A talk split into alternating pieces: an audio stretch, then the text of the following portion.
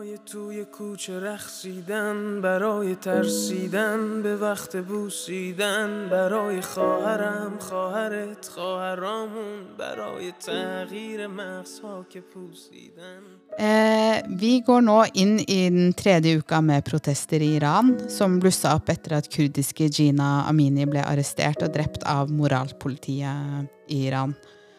Og for mange av oss som bor utenfor Iran, er det helt utrolig å forestille seg en hverdag med et moralpoliti som skal bestemme hvordan vi kler oss og ter oss utendørs, men også i sosiale medier.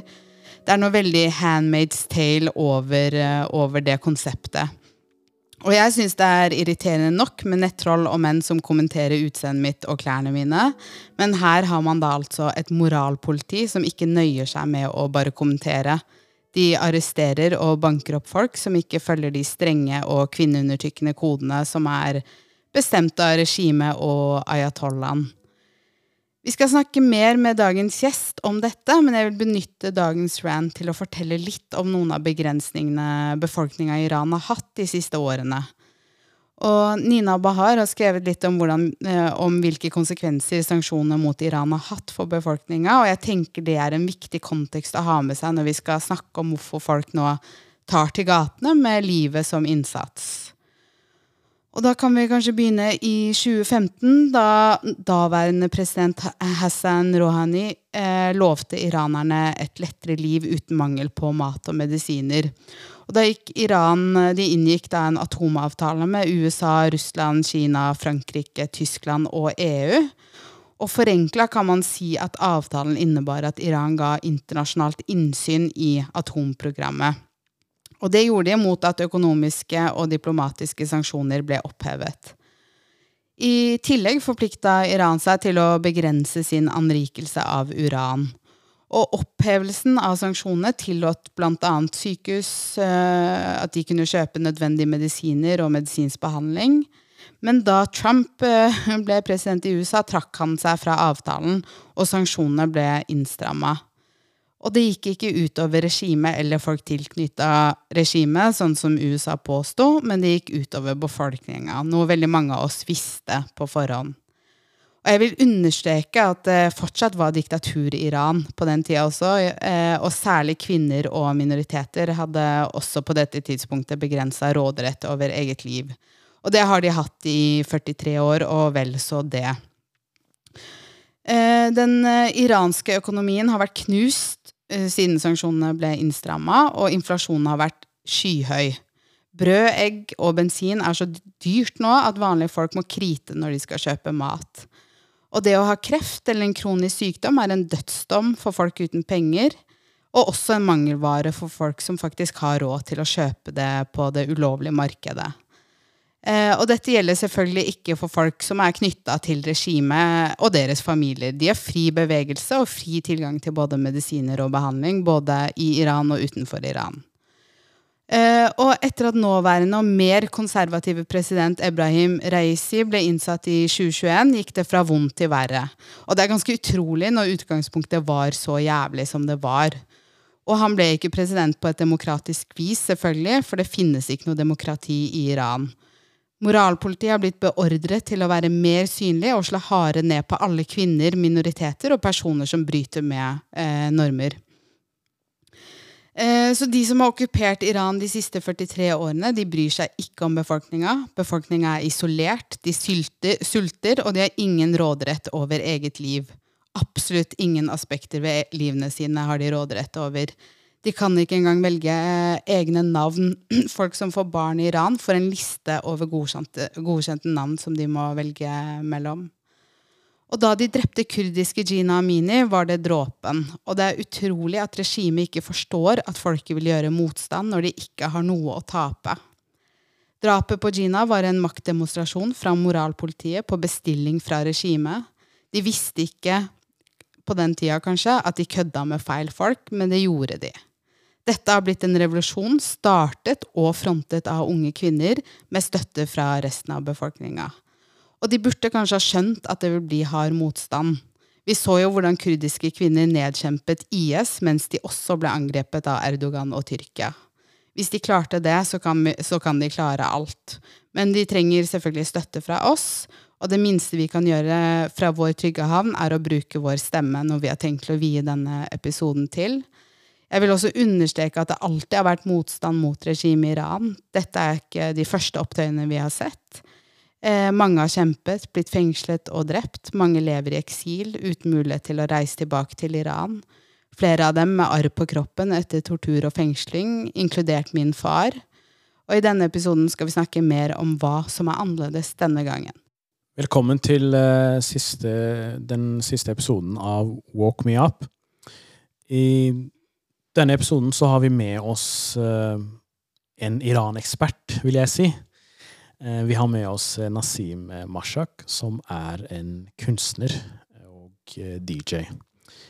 De fleste har sikkert vært på noen utesteder hvor Nasim har spilt, og shaka som bare det. Eh, vi skulle gjerne snakket om de mer morsomme delene av jobben hennes, men vi har invitert Nasim til å snakke om noe mer alvorlig, og kanskje mer brutalt og uhyggelig. Og det er det som har funnet sted i Iran de siste ukene. Eh, velkommen, Nasim, eh, til vår podkast. Takk, Mohammed og Hesti. Jeg tenkte vi kan begynne rett og slett med Vi hørte jo ranten til Hasti. Eh, den siste demonstrasjonsbølgen er jo ikke den første demonstrasjonsbølgen som har funnet sted i dette landet, som er et lappeteppe av etnisitet og religion og mye forskjellig, med 85 millioner innbyggere. Kan du gi oss en liten eh, sånn, eh, sånn sammendrag av det som har funnet sted de siste ukene? Hvordan starta den siste demonstrasjonsbølgen? Um, jeg syns døden av Gina var jo altså, siste dråpe som fikk begeret til å renne. Definitivt. Uh, men samtidig som at det, her, det som har skjedd, har jo bygget seg opp gjennom en veldig lang periode, egentlig. Altså hvis jeg skulle ha dratt en parallell mellom det som skjer nå, og det som skjedde um, da revolusjonen skjedde i Iran uh, 1979, må jeg si at det var flere, uh, flere demonstrasjoner.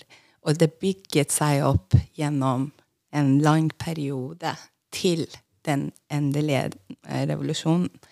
Denne gangen må jeg si at folk har jo sleit, som Hesti sa i ranten, folk har jo sleit med eh, inflasjon, eh, litt altså arbeidsledighet. Det er eh, Folk har ikke sted å bo. Det er, um, det er mange barn som jobber på gata. Um, så det er uh, på en måte Folk har ikke kommet ut for alt det her på en god stund. Men det som skjedde med Gina, tror jeg det er noe som treffer oss alle på grunn av at vi alle har gått gjennom altså, jeg, jeg tror ikke det fins uh, en iransk dame som har bodd i Iran og vokst opp til å liksom gå over tenåringsfasen og ikke har opplevd moralpoliti. Sant? Det her er jo hverdagen til folk som bor i Iran. Det er, det er derfor vi er eksil-iranere. Vi, vi, er her En av grunnene er dette her. Eh, så ja. Mm. Hva var myndighetene prøvde å gjøre i begynnelsen med Gina sin død? De prøvde jo å eh, legge skylda på De drev med victim blaming, som man sier. De sa hun døde av medisinske årsaker. Hvordan, hva svarte man? Altså Familien til Gina reagerte jo selvfølgelig. Men hvorfor gjorde de det i begynnelsen, tror du? Du, det, det har de gjort med alt. Når uh, flyet faktisk uh, ble uh, skutt ned, på en måte. Det, For det var iransk ja, fly som Nei, et fly, ukrainsk, ukrainsk fly som ble skutt ned mm. av Iran. Ja. Hvor de først benekta å ha gjort det. Ja. Og så til slutt så innrømma de det og sa at det var en feil. Feil, nettopp. Og så sparka de de som jobba på de, de som hadde utført det, selv om det skjedde på Eh, på kommando fra militæret, da. Ingen skyter noen raketter eller noen ting til et fly uten At de får ordre fra myndighetene, på en måte. Så, Ja. ja. Så det samme med, med døden av Gina. De fortsatt nekter. Altså, det fortsatt kommer ut uttalelser fra forskjellige folk i myndigheten at eh, hun hadde sykdom, at det ikke var det ikke var eh, eh, noe de har gjort med henne. Da. Og de gikk så langt at de til og med publiserte en redigert video som viser at hun plutselig bare faller sammen. Ja. Så de har aktivt gått inn for å både skjule det de har gjort, men og å eh, lyve. Altså de har redigert bort eh, alt i forkant av, eh, av da hun sto der og falt sammen. da. Ja, fordi hun falt sammen fordi de hadde slått hodet hennes eh, Som de også trua legene Ja. til å benekte, og Å, ja. sykehuset. Ja. Definitivt. Definitivt. Alle som er involvert i slikt, eh, blir jo på en måte De kommer til å miste jobben sin etter det her, men ikke på en uh, riktig grunn, for å si det sånn. Det er fordi at de går hånd i hånd, hele, hele det systemet. på en måte. Ja, de ofrer noen for å Ja. opprettholde det Ja. totalitære systemet. Mm. Men som sagt så er det jo det interessante med disse, eh, denne demonstrasjonsbølgen Du var jo litt inne på det, Nasim, at det er litt annerledes enn de forrige. Eh, Du har jo også opplevd eh, på nært hold eh, 1999-demonstrasjonsbølgen, eh, hvor det var studenter. Hva er det som skiller mellom den som var i 1999 og den i dag, ifølge deg? Jeg syns den generasjonen, også som blir min generasjon, var mye mer redd av Og det, det er fordi vi ble lært opp til å være redde. Vi måtte frykte. Eller så var det konsekvenser. Mens den generasjonen her de, altså Jeg må si i løpet av de tre ukene så føler jeg at jeg har en annen oppfattelse av modighet. Av eh, hva egentlig det betyr. For jeg vet, jeg vet konsekvensene er veldig stort når man står i gata uten hijab, når man chanter mot regimet, når man sier at det her er en revolusjon, ikke en demonstrasjon. Eh, Jeg så en video her om dagen hvor de var i eh, universitetet, og de var omringet eh, som en sirkel, men de fortsatt chanta. Og det, det er det er å være modig for meg. Altså, det har fått en helt annen betydning etter å se det her. Så jeg syns det er en av de forskjellene denne gang. Eh, hvis vi ser på 2009, så eh, Den grønne bevegelsen, da var jo, da var det jo en leder. Da var Mosavi og Karubi de som leda den, den grønne bevegelsen. Mens denne gangen så ser vi ikke én leder. Vi ser en samhold. Noe som alle diktaturer frykter. Det, det er forskjellen. Og det samholdet ser vi tydelig i slagordene. Du nevnte jo dette her til meg i hast tidligere. At det Ja. er noe forskjell Altså Det er endra litt retorikk da, fra slagordene som vi hører, som jeg ser på videoer og hører fra familier an. At uh, det har gått litt fra eh, for eksempel eh, er det mange som roper eh, dette er ikke lenger en protest, det er en revolusjon. Så det er på en måte endra form. Og så det, var det et slagord som ble brukt som uh, eh, unge jenter som, uh, som Noen videoer fra sko både skoleklasser og universiteter hvor unge jenter ropte eh, Natærsin, Natærsin, Mabaham Hastim, som betyr 'ikke vær redd, ikke vær redd, vi er sammen'. Eh, som nå har endra seg til Betærsin, Betærsin, Mabaham Hastim, som betyr 'vær redd, vær redd, vi er samla'. Så det gikk fra å liksom være en chant til seg selv for å liksom ha styrke, til å bli en sånn derre utadretta 'vær redd for oss'. Og det har de jo god grunn til, som jeg var litt inne på innledningsvis. da. Og så er det en annen chant som jeg også la eh, merke til i, i dag, som jeg hørte for første gang. Det var at eh, de roper at eh, eh, Evin fengsel. Det er et ganske kjent fengsel i Teheran der veldig mange politiske fanger eh, sitter i årevis, og veldig mange dør der. Eh, hvor de roper at eh, Evin fengsel har nå blitt et universitet, og universitetet Sharif har blitt et fengsel. Eh, og da viser de til universitetet Sharif i Teheran, som ble um, omringa natt til mandag kom sikkerhetsstyrkene, de omringa fengs eh, fengselet, ser du. De omringa universitetet. Eh, jaga studenter ned i garasjen for så å skyte på dem. Eh, de, vi vet ikke hvor mange som er drept, men de har torturert, banka og skutt folk. Og så har de også skutt studenter med paintball for å markere dem dersom de slipper unna fra fengsel, sånn at de markerer som motstandere av regimet. Og det her eh, skjedde fordi studentene protesterte, og fordi de streika. Det var første dag av universitetet. De nekta å gå, klasse, eh, gå til timen. De, eh, så, så, vi ser jo en skifte i retorikken. Det, er, måte, det, det er mye større enn en protest nå. Og det min oppfatning da, fra Trygge Norge, men eh, jeg følger veldig mye med på iranske nyheter og snakker med venner og familie der, det er at eh, folk Det har gått til Det sikkerhetsstyrkene gjorde på universitetet, det var ikke så strategisk fra deres side, for nå har de plutselig Det her var studenter av Igjen, da. Iran er et lappeteppe av folk som med veldig mange ulike bakgrunner og minoriteter og eh, religiøse tilhørigheter. Eh, og voksne foreldre ser at barna deres blir skutt og drept og holdt fanget. Så da har også eh, den voksne generasjonen eh, meldt seg på i større grad. De har stått utenfor og ropt 'de er alle barna våre', og 'slipp barna våre fri', 'slipp studentene fri'. Eh, og jeg tenker at den når man ser, altså selv, det er til, Jeg har til og med sett videoer av folk fra militæret som Uh, som sier at uh, hvis ikke regimet stanser nå, stanser volden mot uh, befolkninga vår, så kommer vi til å snu.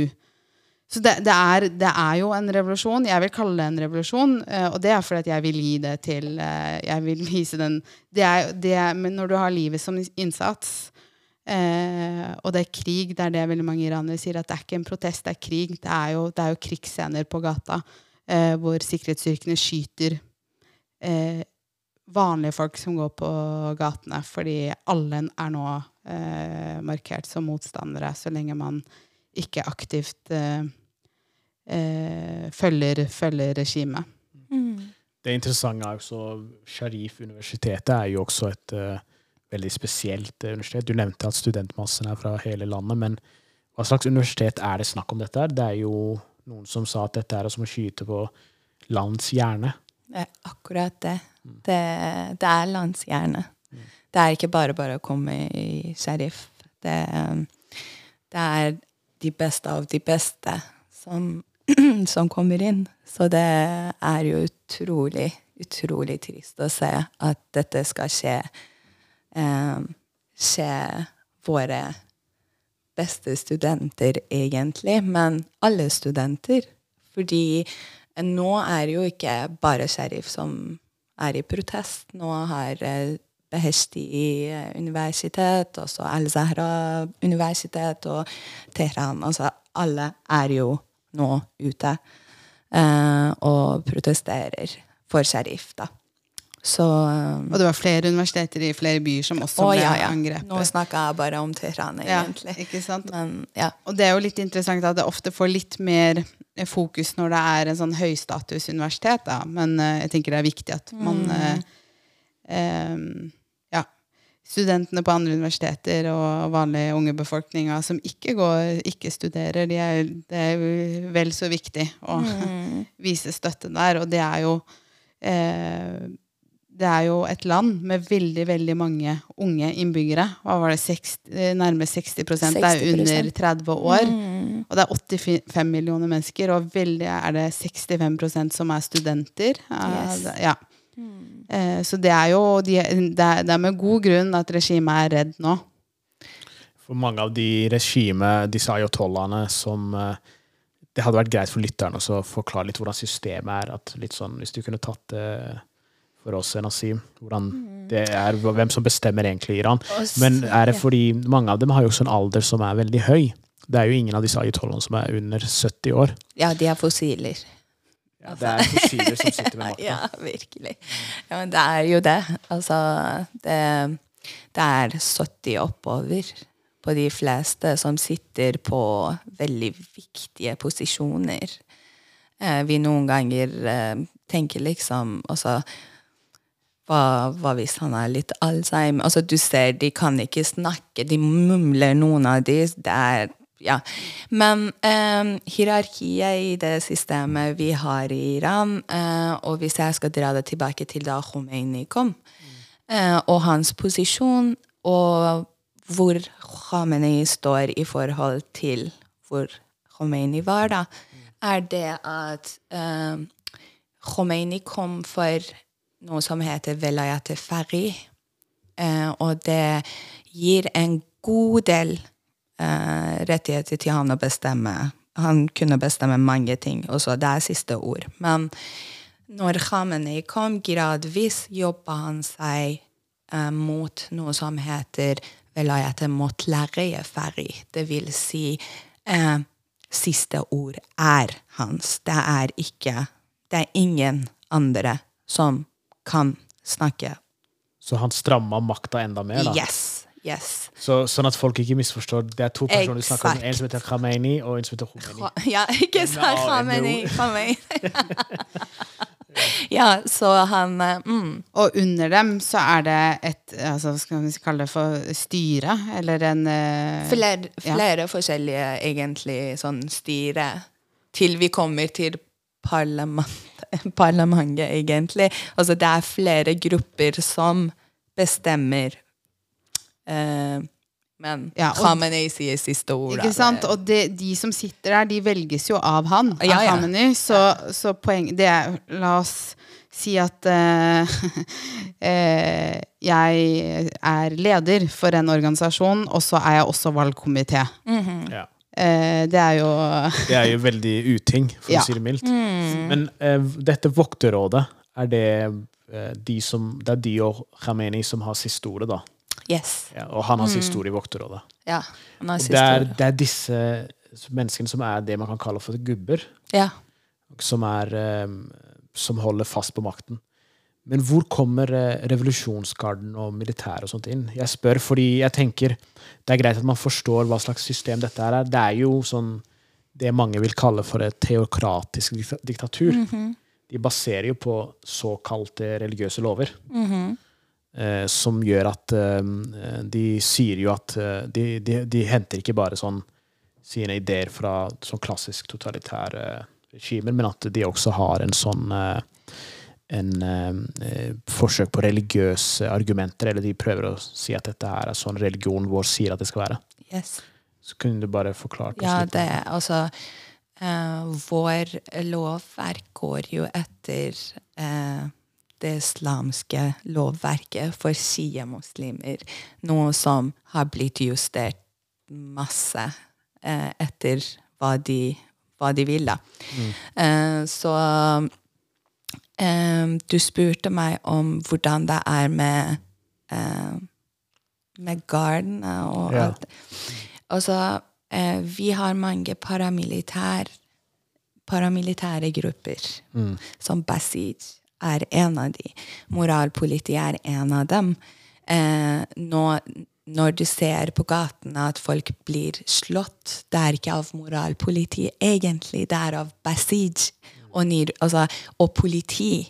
Eh, moralpoliti står for noe annet. Men, men det også går hånd i hånd med hele det, det lovverket. For eh, de, på en måte, det systemet her, har gitt lov ikke bare til de paramilitære, men til din nabo å komme og bestemme at du har hijab eller ikke.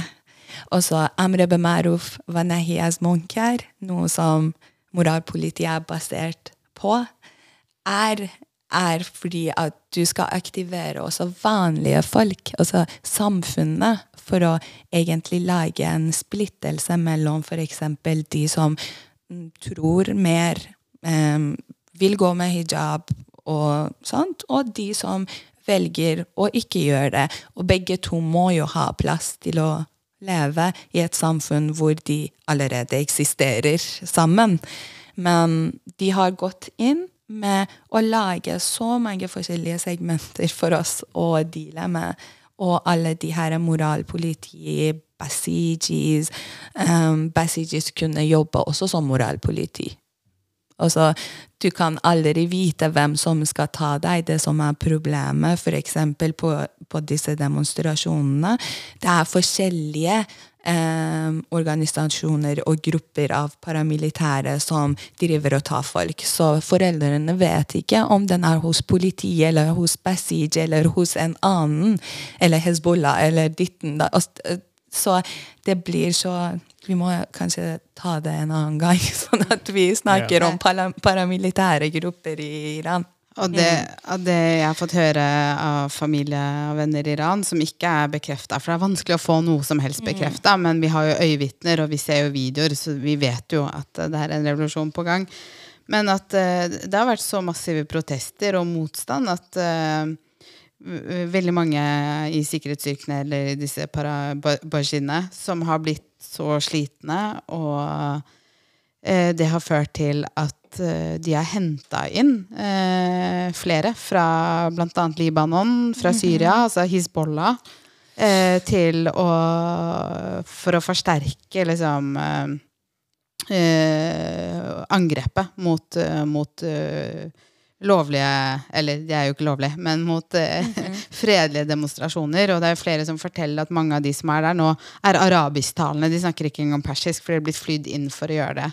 Er det noe du også har eh... Det skjedde også i 2009, da grønne bevegelsen skjedde. Da hadde du flere. Også, eh, de henter også Fatemion fra Afghanistan, faktisk. Nå noe som eh, Altså den gruppen som de mater, altså regimet mater Fatemion i Al-Fatemion i, uh, i, Afghanistan. Og de er også De blir også henta inn. Så uh, de har jo på en måte nest i fire De sier at det regimet her har fire hovedstader, ikke mm. bare Teheran. Mm. Men at Bagdad, Damaskus, Beirut og så eh, Jammen, der er vi.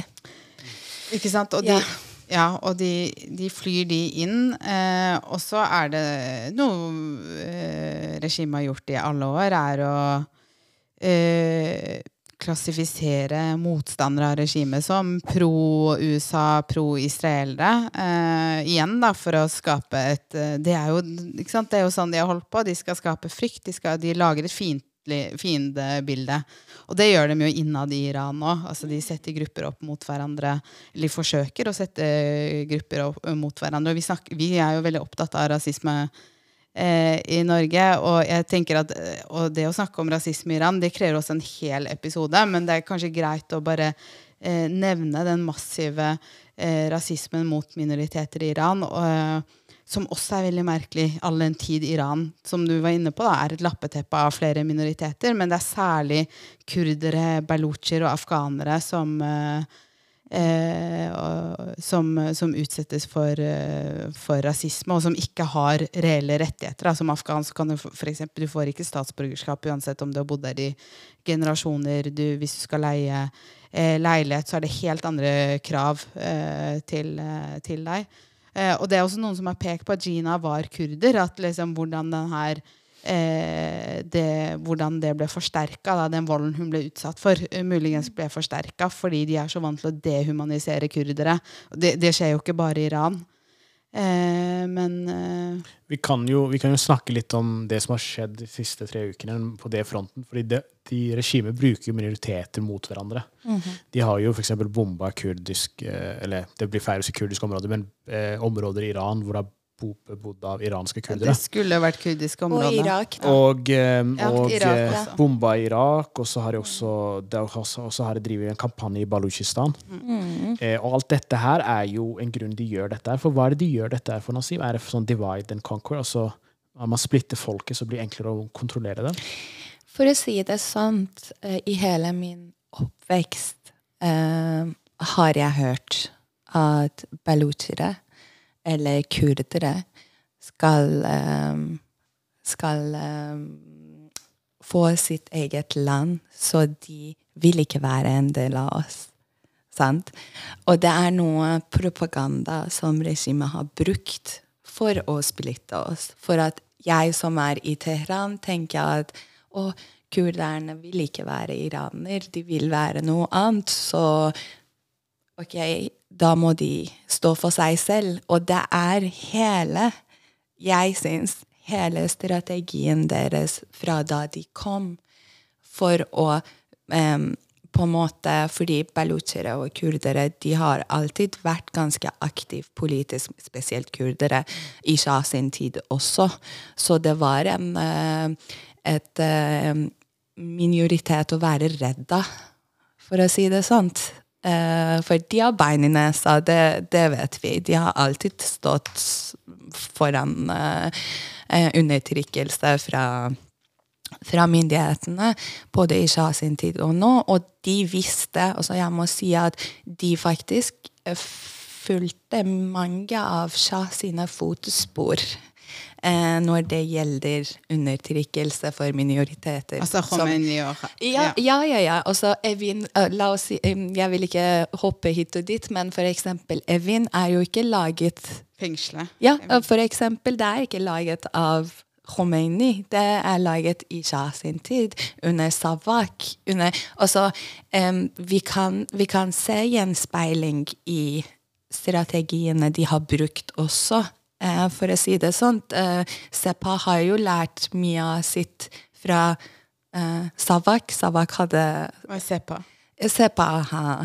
Sepa er jo um, enda en uh, paramilitær gruppe. Vi har det største Uh, det er for mafia, for å si det sånn, um, som har blitt matet med alt av penger til våpen. til De er den mest maktfulle. De er mer maktfulle enn vår militær. Altså, mm. ja.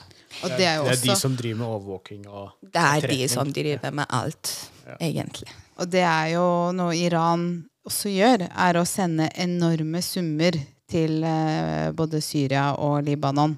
Og det er jo, eh, som vi var inne på, det er jo økonomisk landet er økonomisk knust, men likevel velger de å sende penger ut. Og Det har også vært noe av det folk, eh, folk i Iran eh, har ropt slagord for. da, fordi vi, her er vi, vi sulter, vi har ikke råd til bensin, vi har ikke råd til mat, vi har ikke råd til medisiner. Folk dør eh, av sult. Folk dør eh, eh, av kroniske sykdommer eller andre sykdommer som vi lett hadde kunnet behandlet, eh, blitt behandlet for eh, her i Norge. da. Eh, og det er jo også en faktor, er det ikke det? At eh, de sender ut penger all den tid altså mens til militært. Altså, de mm. kjøper seg folk eh, og sympatisører med penger. Og det fungerer. Definitivt. Og så en ting jeg vil understreke, for jeg hører også fra folk som er i Iran, at man begynner å bygge en type liksom på en måte, ah, Pengene våre går til Libanon og Syria og Palestina og ditt Men greia er at pengene går ikke til palestinske folk. Det går ikke til Libanon, eh, lib libanesere, liksom. Det går til Hizbollah. Det går til noe helt annet. Så, sånn at det, det, heller skal ikke lage en sånn type um, dårlig vibe eller hat um, mot folk som er mm. derifra, fordi det kan man også se blant, uh, blant oss. Fordi, fordi at folk er lei av f.eks. skattepengene sine forsvinner til Libanon, hvor Hezbollah Ja, eh, direkte til Hezbollah? Ja, det er direkte ja, ja, i lomma deres? Ja, ja, det er de vipser, uh, De vipser.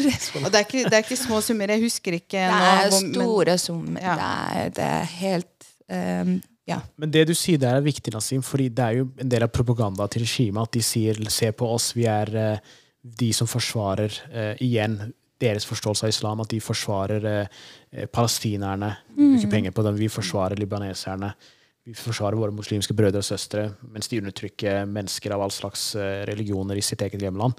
Men det, er en, det handler om geopolitikk, dette her. Og det er et iransk regime. Fremstiller seg selv som en slags uh, fyrtårn i Midtøsten for muslimer og, og konkurrere med uh, Saudi-Arabia som et annet sånn diktatur. Ja, men av en annen, pakke, en annen versjon, da, variant.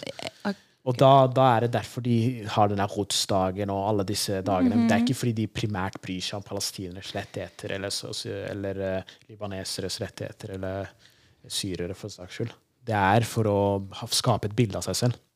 Og dette bildet uh, Jeg tenkte vi kunne snakke litt om det, fordi dette regimet er jo på overtid, vil mange si. De har eksistert 43 år. Det er lenger enn alle vi tre som sitter og snakker sammen, har levd på denne jorda.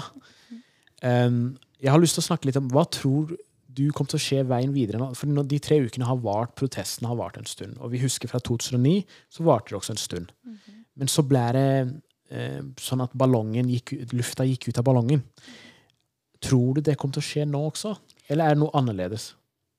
Det er definitivt annerledes. Um, som jeg sa til uh, på uh, et, et, annet spørsmål uh, Forrige 2009 hadde jo ledere Ledere ble tatt i husarrest, um, hvor de er fortsatt. og da gikk luften ut av ballongen, for folk var avhengig av ledere. Denne gangen de er, de er ikke avhengig av noen de gjør dette her selv. Eneste som, som kan eh, på en måte eh, være en utfordring, eller den store utfordringen for dette, denne bevegelsen, er hvor mye eh, regimet kommer til å på en måte drepe.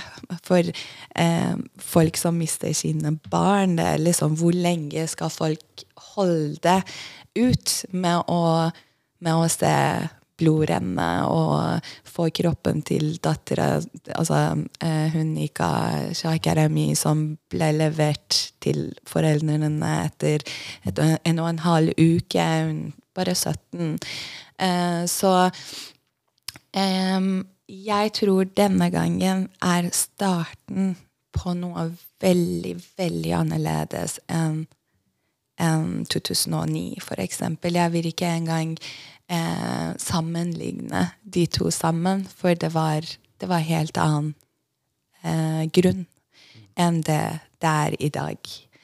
Og jeg, eh, jeg tror at dette her kommer til å fortsette om det, er, det ikke svarer nå, akkurat nå, så vil dette fortsette neste gang. Også de har, de har eh, de har eh, på en måte mista sin eh, makt i, i folkens øyne. Folk ser de kan. Så For mange har jo snakka om reform uh, tidligere, men nå har man gått altså, de som Ikke snakk om reform i det hele tatt. Nå er det full reversjon. Ja, nå er det ferdig. Ja. Det, reform var i 2009. Og apropos det med frykt, så er jo sånn et av slagordene er 'vær redd, for vi er samlet'. Mm -hmm. Og det, um, det er jo sånne historiske uh, eksempler da, på at uh, sånne regimer uh, altså, slu, altså, ikke ender opp, men deres dager er over den dagen det folket de undertrykker, er, er ikke lenger redd. Mm. Fordi den beste måten å holde folk nede er jo frykt. Og hvis den dagen, eh, og mange av disse ungene folka vi ser, som er eh, en generasjons, uh, generasjon som man sier, de som er født etter 1995, de er jo veldig opptatt av å vise at de ikke er redde, at de ikke frykter, at de ikke har noe å tape. Så det, jeg tror det er veldig gode grunner til å være optimistisk. Men det jeg har lyst til at vi skal gå inn på, er jo dette her med avmaktfølelse. For vi er jo alle tre, vi sitter jo langt unna Iran. Og jeg vil tro det er særlig grusomt for de av dere som er eksiliranere, å følge med på. Og man får jo en sånn skikkelig utmattelse av å bare følge med på nyheter. Eh, og så Hvordan skal vi i omverdenen reagere? Fordi det har jo vært mye om at det er veldig viktig at vi publiserer, snakker ut om dette her, demonstrerer. Men hva mer bør vi gjøre? Hva bør våre myndigheter gjøre? Eh, og jeg vil at vi skal snakke litt om det. Eh, hva bør eh, den enkelte av oss som ikke er i Iran, gjøre for å løfte opp stemmene til de som er ute i gata? Eh, hva bør myndighetene våre gjøre? Det, kan vi ta en runde på det? Eh, ja, jeg tenker jo Altså, jeg kjenner jo absolutt på det fatigue du snakker om. Og eh, for min del så har jeg har ikke vært i Iran på ti år. Eh, familien min har ikke vært der siden vi kom til Norge for 35 år siden, så jeg er den eneste som har vært der. Eh, og har selvfølgelig lyst til å reise og besøke familien min. Eh, eh noe som ikke går. Eh, men når jeg snakker med venner og familie i Iran, eh, så sier de at Og særlig de unge, da, søskenbarna mine, tremenningene mine, de sier at spre ordet det er det viktigste. Jeg har også spurt liksom, Det er veldig vanskelig å sende penger til Iran, men jeg føler meg så maktesløs. Sånn, trenger dere, hva er det vi kan gjøre? Og det er spre ordet. Del det. Og de er veldig opptatt av at vi skal bruke hashtagger og hashtagge eh, eh, det vi sprer. Eh, og legge press på, på myndighetene. Altså, vi snakka litt om det før innspilling, Mohammed, hvordan eh, Norge i dag har kalt eh, når vi spiller inn i dag, så har de kalt uh, Russlands ambassade inn på teppet. Jeg savner at uh, våre politikere er tydeligere. Det er noen få som har uttalt seg. Uh, og så er det lett å si vi fordømmer, men vi trenger handling. Vi trenger at de, og det har vi sett flere land i Europa og i verden som har begynt å gjøre. Begynt å kalle inn ambassadene på teppet. Eh, og det, altså det, er det minste vi kan gjøre. Det holder ikke å si at man fordømmer det. Man, altså vi, vi, må, vi må eh, Iran er allerede et isolert land eh, altså pga. sanksjonene. Det er et isolert land. Men her må det press til. De, de kan ikke eh, Vi må være tydelige, alle sammen. Eh, og så tenker jeg at det er viktig at eh, universiteter, studenter, viser solidaritet. For nå det har vært en massakre, eh, som jeg vil kalle det for, selv om vi ikke har tall over eh, antall drepte, på universitetene i Norge. Det er det er så avgjørende at verden sier ifra. Og nå jeg, vil jeg ha fokus på Norge. Vi må si ifra. Vi må bruke stemmen vår. For det har, og journalister. Det er altfor lite om det her i media. Det er altfor få som skriver om det. Eh, massakrene på universitetet, eller det som blir kalt for angrepene eh, på universitetet, det tok to dager før det ble skrevet om. Og jeg har forståelse for at ikke alt kan eh, verifiseres, fordi Iran er så lokka land.